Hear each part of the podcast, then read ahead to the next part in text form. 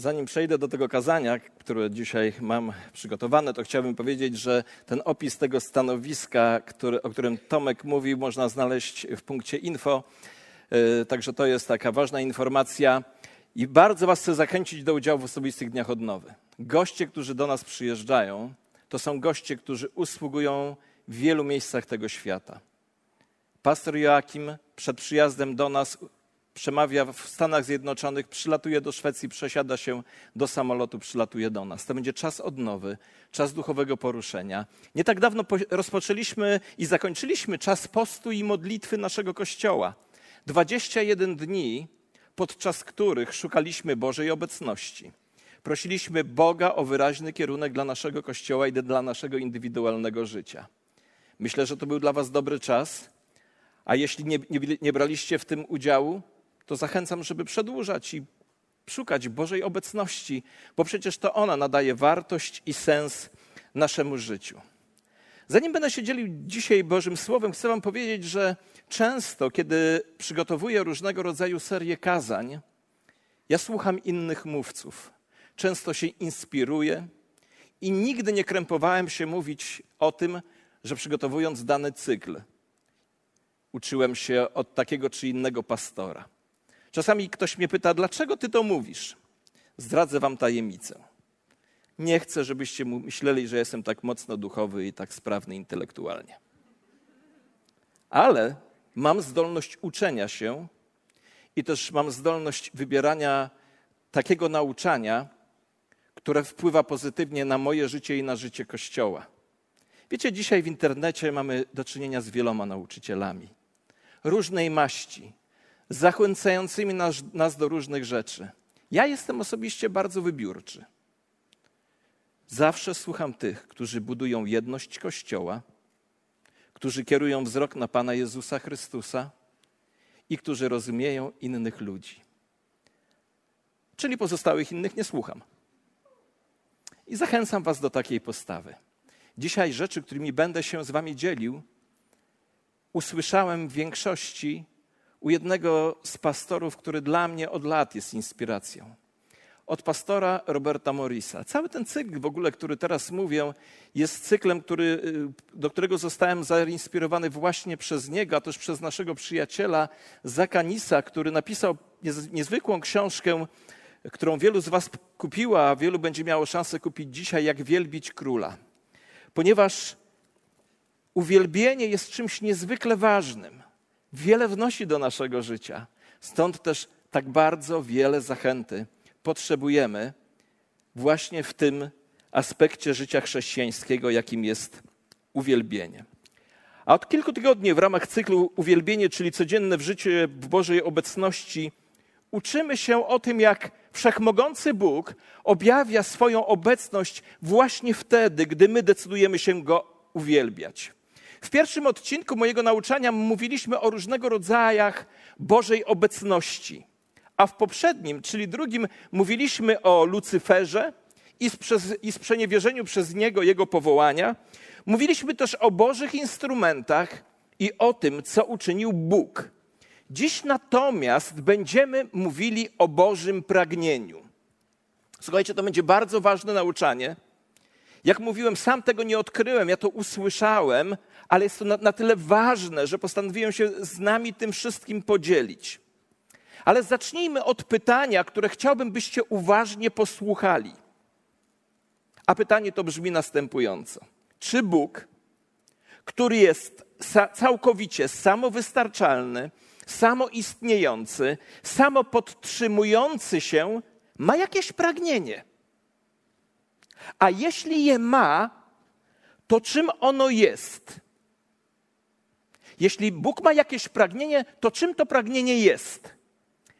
Żeby zagadnienie Bożego pragnienia lepiej zrozumieć, zajmiemy się trzema bardzo ważnymi zagadnieniami, które odkrywać będziemy w pierwszym rozdziale pierwszej księgi Mojżeszowej. Zagadnienie pierwsze. Posłuchajcie, bo ono jest bardzo ważne. Bóg uczynił nas z siebie. To ważna myśl, ważna teologiczna prawda, ważny fakt. Bóg uczynił nas z siebie. Kiedy na początku Bóg stwarzał świat i czegoś chciał, mówił, żeby coś zostało uczynione z czegoś. Działo się tak za każdym razem, gdy Bóg coś tworzył. Jeśli chciał tworzyć rośliny czy zwierzęta, mówił, aby powstały z czegoś. Posłuchajcie tego uważnie. Gdy Bóg coś stwarzał, nie tylko mówił, żeby powstało to z czegoś, ale też, aby to było podtrzymywane przez tę rzecz i aby wróciło do tego czegoś. Na razie może jest to mgliste, ale posłuchajcie. Gdy Bóg coś tworzył, nie tylko mówił, żeby powstało to z czegoś, ale też by było to podtrzymywane przez tę rzecz i aby wróciło to do tego czegoś. Musimy wiedzieć i rozumieć, że istnieje różnica między zrobieniem czegoś i stworzeniem czegoś. Rzeczy, które Bóg stworzył, z punktu widzenia teologicznego, stworzył z niczego. To coś wcześniej nie istniało. Kiedy jednak Bóg, tworzył rzeczy, formował je, kształtował, to tworzył z czegoś, co już wcześniej istniało. Uwaga! Jako ludzie nie jesteśmy w stanie niczego stworzyć. Jesteśmy jedynie w stanie tworzyć. Jako dzieci stwórcy mamy wewnętrzną chęć stwarzania rzeczy, ale nie możemy tego zrobić. Przykład. Zrobiłeś gliniany wazon i oznajmiasz: Stworzyłem ten wazon. Nie! Ty zrobiłeś wazon. Ty wytworzyłeś wazon. Użyłeś do tego gliny. Ukształtowałeś go z gliny. Nie powiedziałeś: Niech się stanie wazon. Ale Bóg tak zrobił. Warto zrozumieć tę zasadę. Bóg powiedział: Niech stanie się światłość, i tak się stało. Powstała światłość. Kiedy On tworzył rzeczy, cokolwiek to było, mówił, co chciał, aby powstało. Mówił, przez co ma być to podtrzymywane i do czego ma to wrócić. Gdy Bóg tworzył rzeczy, jeszcze raz, cokolwiek to było, mówił, co chciał, aby powstało, mówił, przez co ma być to podtrzymywane i do czego ma to wrócić. I przejdźmy, przejdźmy teraz do przykładów. Potem Bóg powiedział: Niech ziemia zrodzi trawę. Niech ziemia zrodzi trawę, rośliny wydające nasiona i drzewo urodzajne, przynoszące owoc według swego rodzaju, którego nasienie będzie na ziemi, będzie w nim na ziemi i tak się stało. Jak to się odbywało?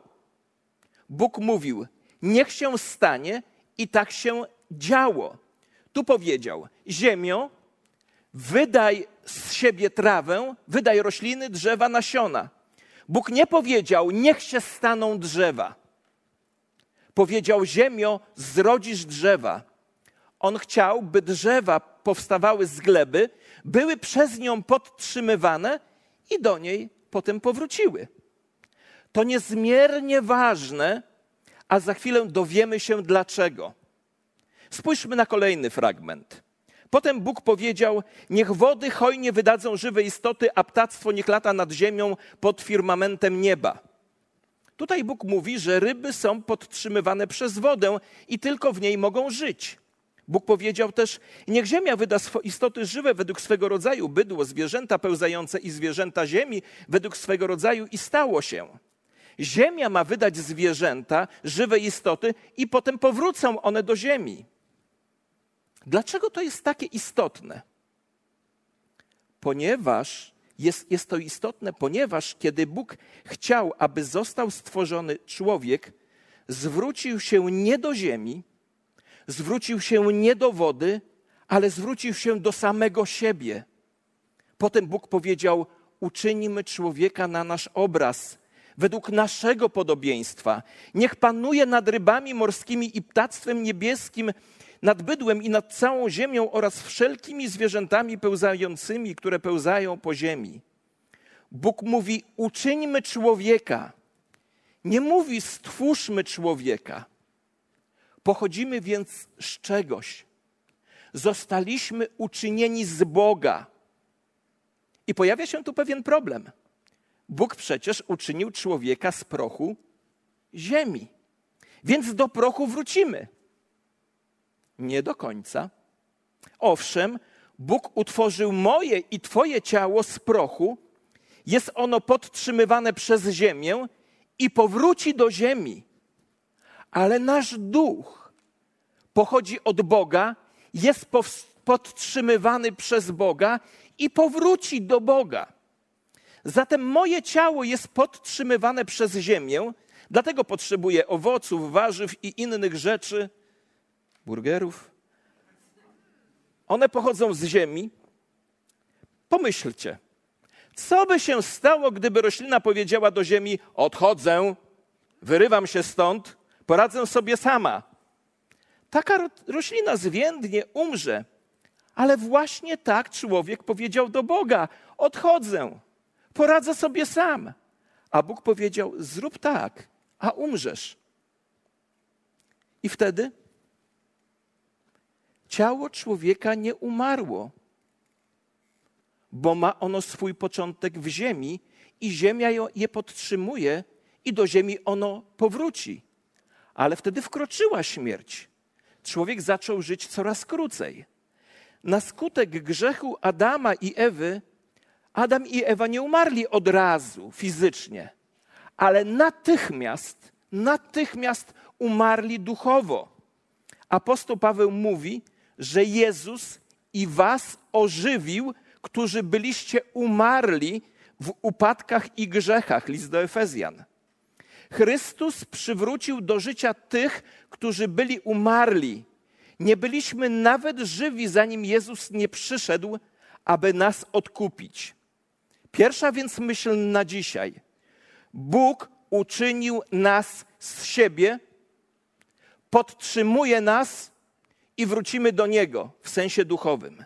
Po drugie, bardzo ważne, często o tym mówimy, Bóg uczynił nas na swoje podobieństwo.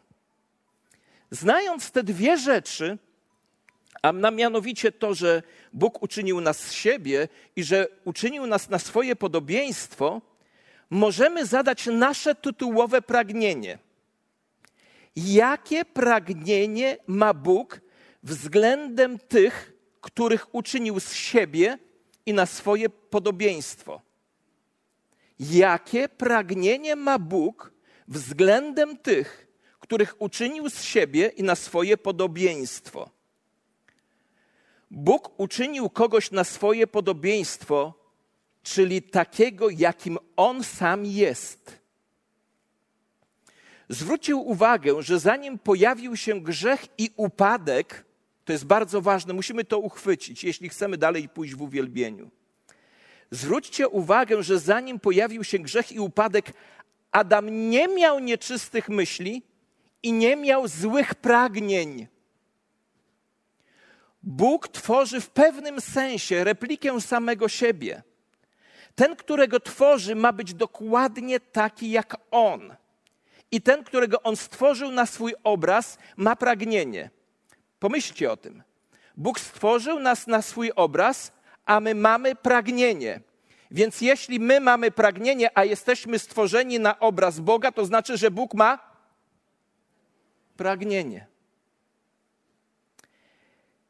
I Adam nadał nazwy wszelkiemu bydłu i ptactwu niebiańskiemu i wszelkim zwierzętom polnym. Dla Adama jednak nie znalazła się pomoc odpowiednia dla niego. Ale Adam nie znalazł odpowiedniej dla siebie pomocy. Nie znalazł nikogo porównywalnego do samego siebie. Adam nazwał, nadał nazwy zwierzętom, ale nie znalazł odpowiedniego towarzysza Dlaczego Biblia o tym mówi? Pamiętajcie, że nie było tam jeszcze nieczystego pragnienia, to kompletnie wszystko było czyste. Kilka takich założeń będę dzisiaj robił. Założenie pierwsze. Załóżmy, że Adam poszedł do Boga i powiedział: Uwielbiam ten ogród i wszystko, co tu jest. Podobają mi się te zwierzęta, ale mam pragnienie, choć nie wiem, jak je wyrazić. Nie wiem, co to jest. Nie umiem tego nazwać. Chcę czegoś. Czegoś mi brakuje. Jestem samotny. Bóg więc powiedział: No dobrze, zrobiłem wszystko w sześć dni, nie miałem czasu nazwać zwierzęta, więc proponuję, abyś ty nadał im nazwy. Może któreś ci się spodoba. Tego oczywiście nie przeczytamy w Biblii. Ja tylko staram się wam to zobrazować, co czytamy w drugim rozdziale Księgi Rodzaju. Jednak coś się tutaj ważnego wydarzyło. Adam czegoś nie znalazł. A jeśli nie znalazł, to znaczy, że szu, szukał. Jeśli nie znalazł, to znaczy, że szukał. Wróćmy do Adama. Nadając nazwy zwierzętom, wciąż poszukuje towarzysza dla siebie. W końcu idzie spać, a kiedy się budzi, dostrzega nowe stworzonko i mówi: Ojej, człowiek! Ona wciąż nie miała imienia. Adam powstał na obraz Boga, Ewa powstała z Adama, więc ona również pochodzi od Boga i ona jest stworzona na jego obraz. Adam mówi: Jeju, ona mi się podoba. Ja to lubię ten tekst. Uj, do, to jest krew z krwi i ciało z ciału. Ale pomyślcie. Zastanawialiście się, skąd Bóg wiedział, że tylko taka towarzyszka usatysfakcjonuje Adama? Skąd Bóg wiedział, że tylko ona będzie spełnieniem, pragnieniem jego serca? Dlaczego Bóg Adamowi od razu nie stworzył piłki nożnej? Przecież faceci lubią piłkę nożną. Ja jestem wyjątkiem. A jestem facetem, gdyby. Skąd Bóg wiedział, że jedyną, która zaspokoi pragnienie jego serca, będzie ob oblubienica? Pomyślcie, skąd Bóg wiedział, że pragnieniem serca Adama będzie oblubienica? Dlaczego? Bo też Bóg pragnie oblubienicy. Wiedział Bóg, ponieważ Bóg ma to samo pragnienie oblubienicy. Przypomnę, że pragnienie Adama było czyste, bo nie było jeszcze grzechu na ziemi. Bóg ukształtował nas na swój obraz, dał nam wolną wolę, bo On sam ją ma, a miłość to wybór. I kiedy pragniesz mieć towarzysza czy towarzyszkę życia, chcesz, aby ta osoba wybrała cię. Nie chcesz, żeby ta osoba była zmuszona cię kochać, tylko żeby to była jej dobrowolna decyzja, bo miłość to wybór. Zatem Bóg mnie stworzył, jestem przez Niego podtrzymywany i do Niego wrócę. Jestem ukształtowany na Jego obraz, więc ma takie pragnienia jak ja. Pragnę oblubienicy i On pragnie tego samego, a miłość jest wyborem, jest decyzją. Po pierwsze więc, Bóg uczynił nas z siebie. Po drugie, uczynił nas na swoje podobieństwo. I po trzecie, Bóg stworzył nas, abyśmy Go kochali. Miłość to wybór. Takie było zamierzenie dla człowieka, aby kochał Boga, żył w Jego obecności. To uwielbianie bo to wyrażanie miłości do Niego. Życie w Jego obecności to uwielbienie Go, uwielbianie Go, bo tak wyraża się miłość. Miłość wyraża się w uwielbianiu Boga. Dziękuję Ci, Boże. Kocham Cię, Boże. Tak śpiewamy. Tak śpiewa mężczyzna do ukochanej kobiety. Kocham Cię. Nie chcę być z nikim innym oprócz Ciebie. Oddałbym za Ciebie życie. Tak Bóg odbiera uwielbienie. Śpiewamy: Kocham Cię, Boże. A On mówi: Ja też Cię kocham. Śpiewam: Nie chcę być z nikim innym, tylko z Tobą. On mówi: Ja też. Śpiewamy, oddałbym za ciebie życie. A on mówi, a ja już to za ciebie zrobiłem. Umarłem za ciebie. Umarłem, abyś mógł, mogła żyć. Jakie jest więc pragnienie Boga? Jakie jest pragnienie Boga? Ty i ja jesteśmy największym Bożym pragnieniem. Jakie jest Jego pragnienie?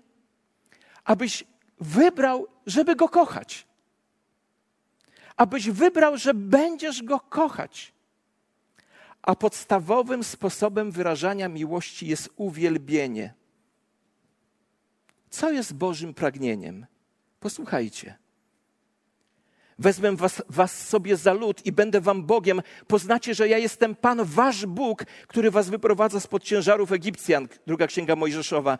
I będę przechadzał się wśród was i będę waszym Bogiem, a wy będziecie moim ludem. Trzecia Mojżeszowa. Ale to jedno im nakazałem, mówiąc: Słuchajcie mojego głosu i będę waszym Bogiem, a wy będziecie moim ludem. Idźcie każdą drogą, którą wam nakazałem, abyście się, aby się wam dobrze działo. Księga Jeremiasza. Słuchajcie mojego głosu i czyńcie to wszystko, co wam nakazuję, i będziecie moim ludem, a ja będę waszym Bogiem. Jeremiasz. Dam im bowiem serca, aby mnie poznali, że ja jestem Pan. Oni będą moim ludem, a ja będę ich Bogiem, gdyż nawrócą się do mnie całym swoim sercem. Znowu Jeremiasz i będziecie moim ludem, a ja będę waszym Bogiem. Znowu księga Jeremiasza. Ale takie będzie przymierze, które zawrę z domem Izraela. Po tych dniach, mówi Pan, włożę moje prawa w ich wnętrzu i wpiszę je na ich sercach i będę ich Bogiem, a oni będą moim ludem, aby postępowali według moich ustaw i strzegli moich sądów oraz czynili je i będą moim ludem, a ja będę ich Bogiem, Ezechiel, aby dom Izraela już więcej nie oddalał się ode mnie, ani nie plamił się więcej swymi przestępstwami, aby był moim ludem, a ja ich Bogiem, mówi Pan Bóg Ezechiela. Zamieszkacie w ziemi, którą dałem waszym ojcom, będziecie moim ludem, a ja będę waszym Bogiem. Znów Ezechiela i Nowy Testament. Wy bowiem jesteście świątynią Boga żywego. Tak jak mówi Bóg, będę w nich mieszkał i będę się przechadzał w nich i będę ich Bogiem, a oni będą moim ludem. Takie zaś jest przymierze, które zawrę z domem Izraela po tych dniach, mówi Pan. Dam moje prawa w ich umysły i wypiszę je na ich sercach i będę im Bogiem, a oni będą moim ludem. List do Hebrajczyków. Potem zobaczyłem nowe niebo i nową ziemię. Pierwsze niebo i, bowiem i pierwsza ziemia przeminęła i nie było już morza, a ja, Jan, zobaczyłem święte miasto, Nowe Jeruzalem, wstępujące z nieba od Boga, przygotowane jak oblubienica przyozdobiona dla swego męża. I usłyszałem donośny głos, oto przybytek Boga jest z ludźmi i będzie mieszkał z nimi. Oni będą Jego ludem, a sam Bóg będzie z nimi, będzie ich Bogiem. Objawienie świętego Jana. Zawołaż, zawo... Zauważyliście to? Bóg chce być naszym Bogiem. Chce, abyśmy my byli Jego ludem. Wróćmy do początków. Przez chwilę za, załóżmy, Załóżmy, to będzie tylko założenie, że Adama nie było z Ewą, kiedy chciała spróbować zakazanego owocu. To nie jest prawdziwe założenie, bo on był tam i nie zrobił nic, aby ją powstrzymać, oboje zgrzeszyli, ale spójrzmy tak teoretycznie. Tak teoretycznie. Adama nie było z Ewą, gdy Ewa zgrzeszyła. Wyobraźmy sobie, że wtedy, gdy Ewa zjadła owoc, Adam był po drugiej stronie ogrodu. Jak wyglądałaby wtedy rozmowa Boga z Adamem? Bóg przybyłby wtedy do Adama i powiedział: Synu, przykro mi, że muszę tobie to powiedzieć, ale twoja oblubienica zgrzeszyła i w związku z tym musi ponieść śmierć. Wiemy oczywiście, że taka sytuacja nie miała miejsca w przypadku Adama ale taka sytuacja zdarzyła się w przypadku Jezusa Chrystusa. Kiedy spojrzymy na Jego pragnienie, na pragnienie Jezusa, zadam Wam pytanie: co kupujecie komuś, kto ma wszystko? Co Bóg Ojciec mógł dać Bogu Synowi oprócz oblubienicy? I taka rozmowa mogła mieć miejsce. Bóg Ojciec przyszedł do Jezusa i powiedział: Synu, przykro mi, ale muszę ci to powiedzieć. Twoja ob oblubienica, którą stworzyłem dla ciebie, zgrzeszyła i w związku z tym musi ponieść śmierć. A Jezus ze złamanym sercem opuścił głowę i powiedział: Ojcze, ale ja nie chcę, żeby ona umarła. I myślę wtedy, że ojciec powiedział coś takiego, ale ktoś musi umrzeć. I myślę, że wtedy Jezus podniósł głowę, otarł łzy i powiedział: W takim razie pozwól, aby, abym był to ja. Ja umrę, aby moja oblubienica mogła żyć. Wiecie, chcę podkreślić, że to jest niezwykle ważne przesłanie dla nas, abyśmy zdawali sobie sprawę, jak bardzo jesteśmy ważni dla Boga, jak bardzo jesteśmy ważni dla Jezusa Chrystusa, jak bardzo jesteśmy ważni, skoro zdecydował się umrzeć, abyśmy my mogli żyć. Jak bardzo On chce nas poślubić i żyć z nami długo i szczęśliwie. I co więcej, dzieje się tak dzięki łasce, bo Bóg zadbał o wszystkie szczegóły, aby to mogło stać się możliwym. Nie przez uczynki, bo nie bylibyśmy w stanie tego zrobić, ale On zapłacił za nasze grzechy. On zapłacił za każdy nasz grzech i oddala ten grzech od nas, jak daleko jest wschód od zachodu. Wrzucił nasze grzechy do morza zapomnienia Słyszycie? Hej! Wrzucił nasze grzechy do morza zapomnienia. Ja czasami żartobliwie, żartując z moją żoną, mówię tak. Pamiętasz, jak mieliśmy zajęcia techniczne w podstawówce za naszego pokolenia? To było, wiecie, 50 lat temu.